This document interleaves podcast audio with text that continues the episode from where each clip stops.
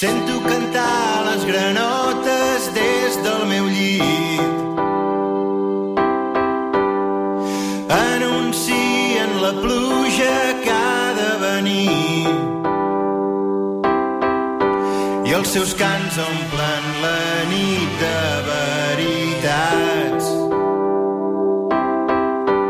De certeses mil·lenàries i ancestrals.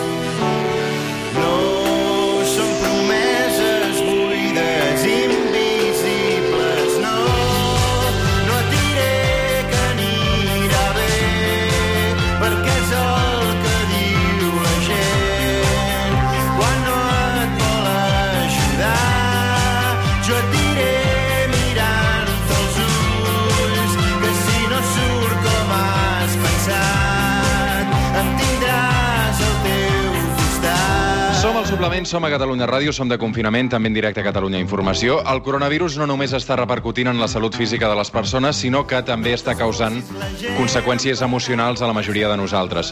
És una nova situació desconeguda que ens ha enganxat a tots desprevinguts i que, com és normal, ens fa por i ens genera també incertesa. Ara al suplement volem dedicar uns minuts a parlar amb dos experts perquè també ens ajudin a gestionar millor aquestes angoixes i aquestes emocions. Deixeu-me saludar primer de tot l'Andrés Quartero.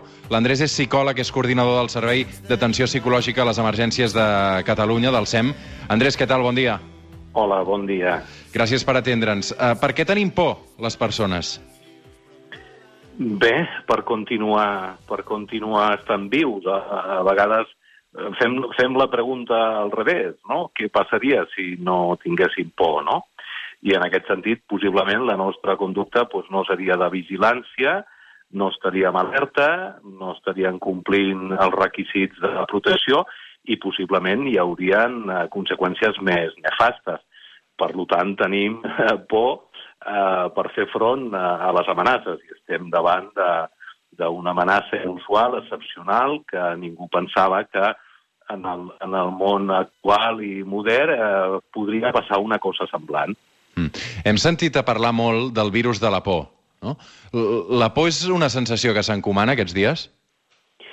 Sí, sí, sí, es contagia, evidentment. Qui no, qui no té experiències d'haver estat amb, amb, amb gent al voltant amb un nivell de por, de neguit i d'ansietat i al cap d'una estona d'estar amb aquella persona doncs acabem també eh, una, una, una mica neguitosos. Però el que cal dir que, que si les emocions s'encomanen, es contagien, també tenim altres emocions com la calma, com la, com la sensatesa, que també es poden contagiar. I jo que crec que són aquestes les que bueno, hem, de, hem de potenciar reconeixent, reconeixent i acceptant que, que hi han coses que s'escapen a vegades del nostre control, però sí que hi podem fer coses, i podem fer coses perquè també contagiem o encomanem aquesta calma, no? encara que sigui una calma tensa, una calma vigilant, no, no, no hem de baixar els braços en absolut, però jo, al igual que sí que és veritat que, que la por es contagia i s'ha parlat de, de la pandèmia de la por, del virus de la por, m'agradaria més llançar el missatge que si acceptem això, i és veritat, eh, també la calma eh, es contagia i s'encomana la solidaritat, la humanitat, Mhm. la manera de tots plegats, eh, des de la responsabilitat individual i des de la consciència de que a vegades hem d'acceptar que no podem controlar eh, moltes coses del nostre entorn, també podem encomanar aquesta calma o aquest esperit en positiu de solidaritat, d'ajuda, d'humanitat, que, que estem veient i que, i que, a més a més, té una forma d'onada, inclús més gran, diria jo, que, que, que el contagi de, de la por. No? És a dir, podria, podrien ser el, els dos nivells que, que més estan sobresortint. Possiblement en parlem molt de, del primer, de, de la por, que s'encomana, evidentment, i, i, i no, és una, no és una irrealitat. Estan passant coses que estan amenaçant el valor principal que tenim, que és la vida. Per tant, eh, és normal que, que, que hi hagi aquest contagi o que estigui Jo m'agrada més parlar de, de, de por col·lectiva, de, de por social, perquè Sí, sí. eh, el, el, el tema del Covid ens està colpejant en, tots, en totes les esferes de la vida a nivell col·lectiu, no? I a mi m'agrada més parlar de por col·lectiva, no, no de virus ni de, ni, ni de calamitats, no? És a dir, que... És, és molt difícil, però, controlar, con, controlar aquesta por, o, o si més no, eh, és molt fàcil dir no tinguis por, però clar, eh, després la realitat és una altra, no? Reconèixer que tenim por o que, que, que teni, aquesta incertesa ens genera angoixes el primer pas per arribar-ho a controlar, per estar en aquest uh, altre estat d'ànim que tu dius, doncs podem desenvolupar uh, altres sentiments, com poden ser la solidaritat, no? El, el missatge no és que no hem de tenir por. Aquest no és el missatge. Hem de tenir la por necessària, òptima, en funció de, de, de la realitat que tenim, de, de, de, de la sensatesa, o sigui, tinc elements per tenir por. No podem dir que no s'ha de tenir por. El que hem de fer és mm, tenir-la sota control. És a dir, la, la que és dolenta és, és aquella por que, que, que ens, ens supera, que és excessiva, que és injustificada, que ve rumors, i, i, i nosaltres l'únic que tenim com a éssers humans és allò que podem fer que depèn de nosaltres, és allò que mm, sí que podem tenir control. I a millor aquest control passa, primer, per reconèixer que tinc aquesta por, mm, al contagi, evidentment, que es contagi algú de la meva família, a morir. Per tant, no tenir-la no seria l'opció, perquè llavors ens relaxaríem i seria pitjor. El que sí que depèn de nosaltres és reconèixer i acceptar que la tenim, mantenir-la eh, sota control, no? amb, amb, amb informacions eh, coherents, sensates, amb el que tenim al davant i, i la realitat i el que ens expliquen i veure en tot moment quan passa fora de control aquesta, aquesta por. No?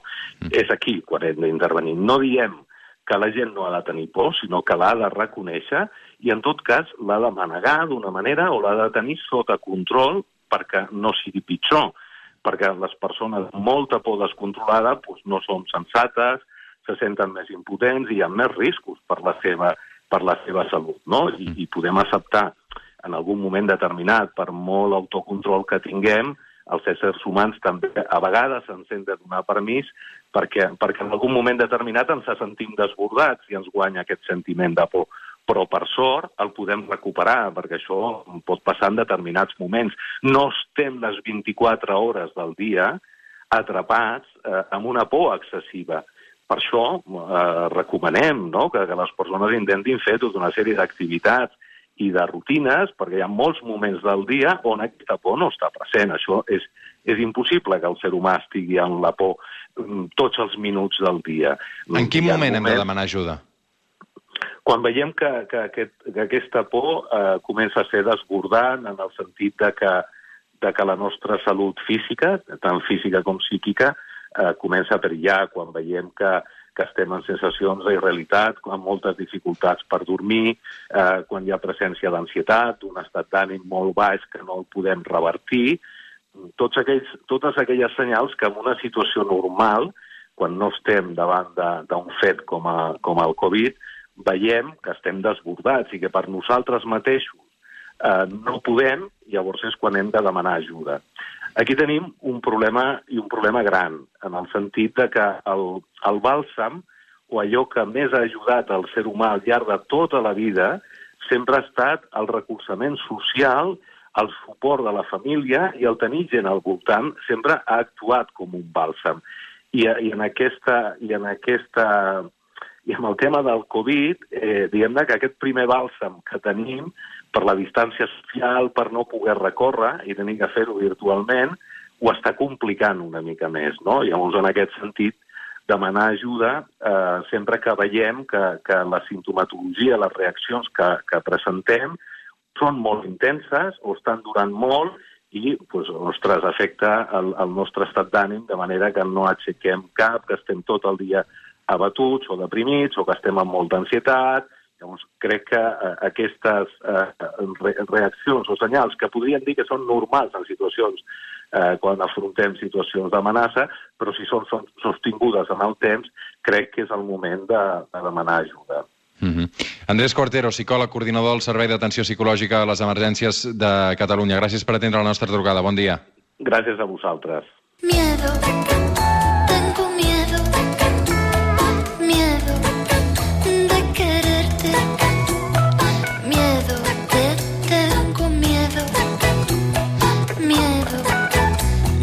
perderte.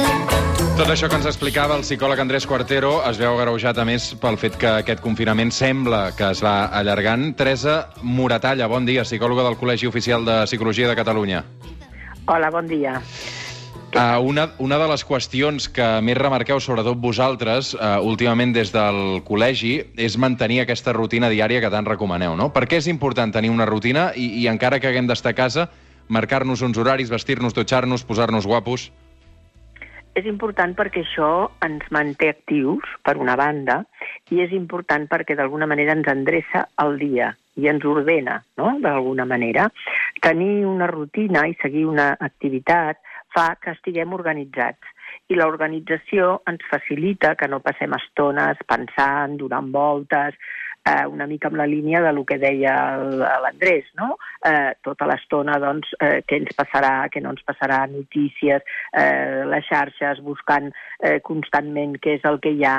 Jo crec que eh, el més important és que una bona organització ens dona unes pautes que anem seguint, que de fet és el que tenim amb la nostra vida sense estar confinats, no? La majoria de nosaltres tenim uns horaris que, que fan que anem a treballar, que tenim uns horaris de dinar, que tenim uns horaris de fer altres activitats, no sé, anar al gimnàs, fer diferents coses. Els nens també tenen tots uns horaris marcats durant el dia que ens endrecen d'alguna manera doncs, la nostra vida. No? Mm. Llavors, mantindre això en alguna, en, en, durant el confinament ens ajuda a poder estar millor, a poder estar més tranquils, a poder estar més mm, seguint una, un dia a dia que no és tan, tan, tan sumament diferent del que és el que portem habitualment. Mm. Per tant, si nosaltres doncs, tenim un horari que ens permet, doncs ens llevem, doncs la nostra higiene, les tasques domèstiques, eh, la, el que fa tele, teletreball, doncs teletreball, activitats amb els nens determinades, a tal hora farem això, a tal hora farem l'altre, ens ajuda doncs a saber què farem i això ens deixa d'alguna manera una mica més calmats, no? més, mm. més, més tranquils per poder-ho anar abordant durant el dia. Penso en la gent que passa el confinament tot sol. Uh, com es combat l'avorriment i el fet d'estar tantes setmanes sense veure ningú més? Sí, sí, sí, el confinament, per suposat, no és el mateix per tothom, no? No és el mateix estar sol que estar sol amb la parella, que tenir tres nens petits de segons quines edats, no? El confinament és molt, molt variable en aquest sentit i també no només per qui, amb qui estàs, si estàs sol o estàs acompanyat, sinó també a on estàs, no? No és el mateix confinar-se en un pis de 50 metres quadrats que en un de, de 100 o de 200, no té res a veure. Aleshores, jo crec que quan parlem d'una persona que està sola, precisament per això mateix, encara necessita potser més aquesta rutina de la que parlàvem, no? Perquè eh, el fet de tenir un ordre, un ordre marcat que ell segueix, l'ajuda a tenir una estructura. Les persones a les estructures ens van bé doncs perquè, pel mateix que deia abans, no, no tenim tanta, tant, tant pensament continu sobre el, el que està passant i sobre el mateix. El que recomanem molt a les persones que estan soles és un fet doncs, molt important i que en aquests dies eh, l'estem tots eh, dient, posant de manifest, no?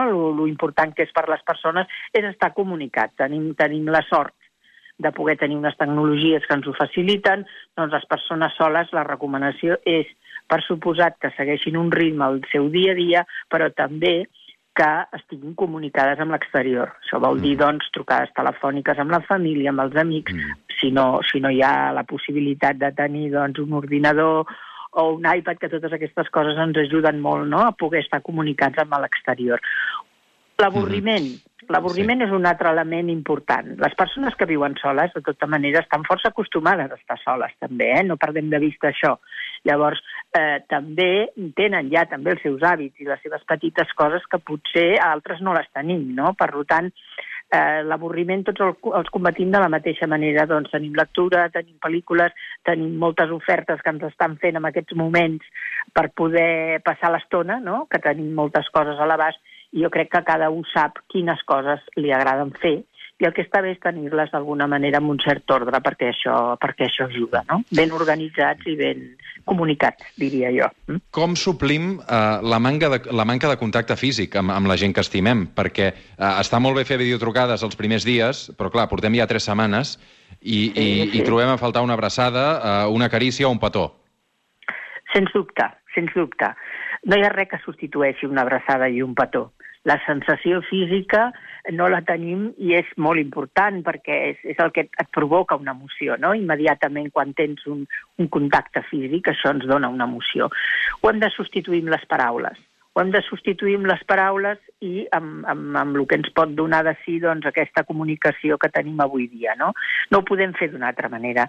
Llavors ens, ens hem de començar a comunicar emocionalment. Jo diria que és una, un, una bona manera de fer, que de vegades perdem amb el nostre dia a dia. No? Ens preguntem moltes vegades què, què has fet, com ha anat el dia, i en canvi no ens preguntem coses, doncs, com estàs, com, que, que, com t'has sentit avui, no? Potser hem d'entrar més en un llenguatge més emocional que ens apropa, que potser no, no és un petó, no és una abraçada, però eh, és eh, poder-ho dir en paraules, no? És Mhm. poder dir, pues, pues t'he trobat a faltar, o t'estimo molt, o tinc ganes de- d'abraçar-te, i això estàs fent una comunicació emocional que no és el mateix, perquè, repeteixo, la sensació física doncs, no la tenim, però ens apropa, ens apropa molt més que un altre tipus de, de comunicació. Mm. Passen 21 minuts de les 12 del migdia, un quart i mig d'una del, del migdia. Estem conversant amb la Teresa Moratalla, psicòloga del Col·legi Oficial de Psicologia de Catalunya. Uh, només un apunt més, i és que el Col·legi Oficial de Psicologia ha publicat una guia de gestió davant d'aquestes quarantenes, on també expliquen molts punts importants a tenir en compte. A través del web el podeu recuperar fàcilment. Uh, és un document que aquells que ho necessitin també recomanem als nostres oients que ens estan escoltant a aquestes hores. Teresa Moratalla, moltes gràcies per atendre'ns aquest matí al suplement. Gràcies a vosaltres.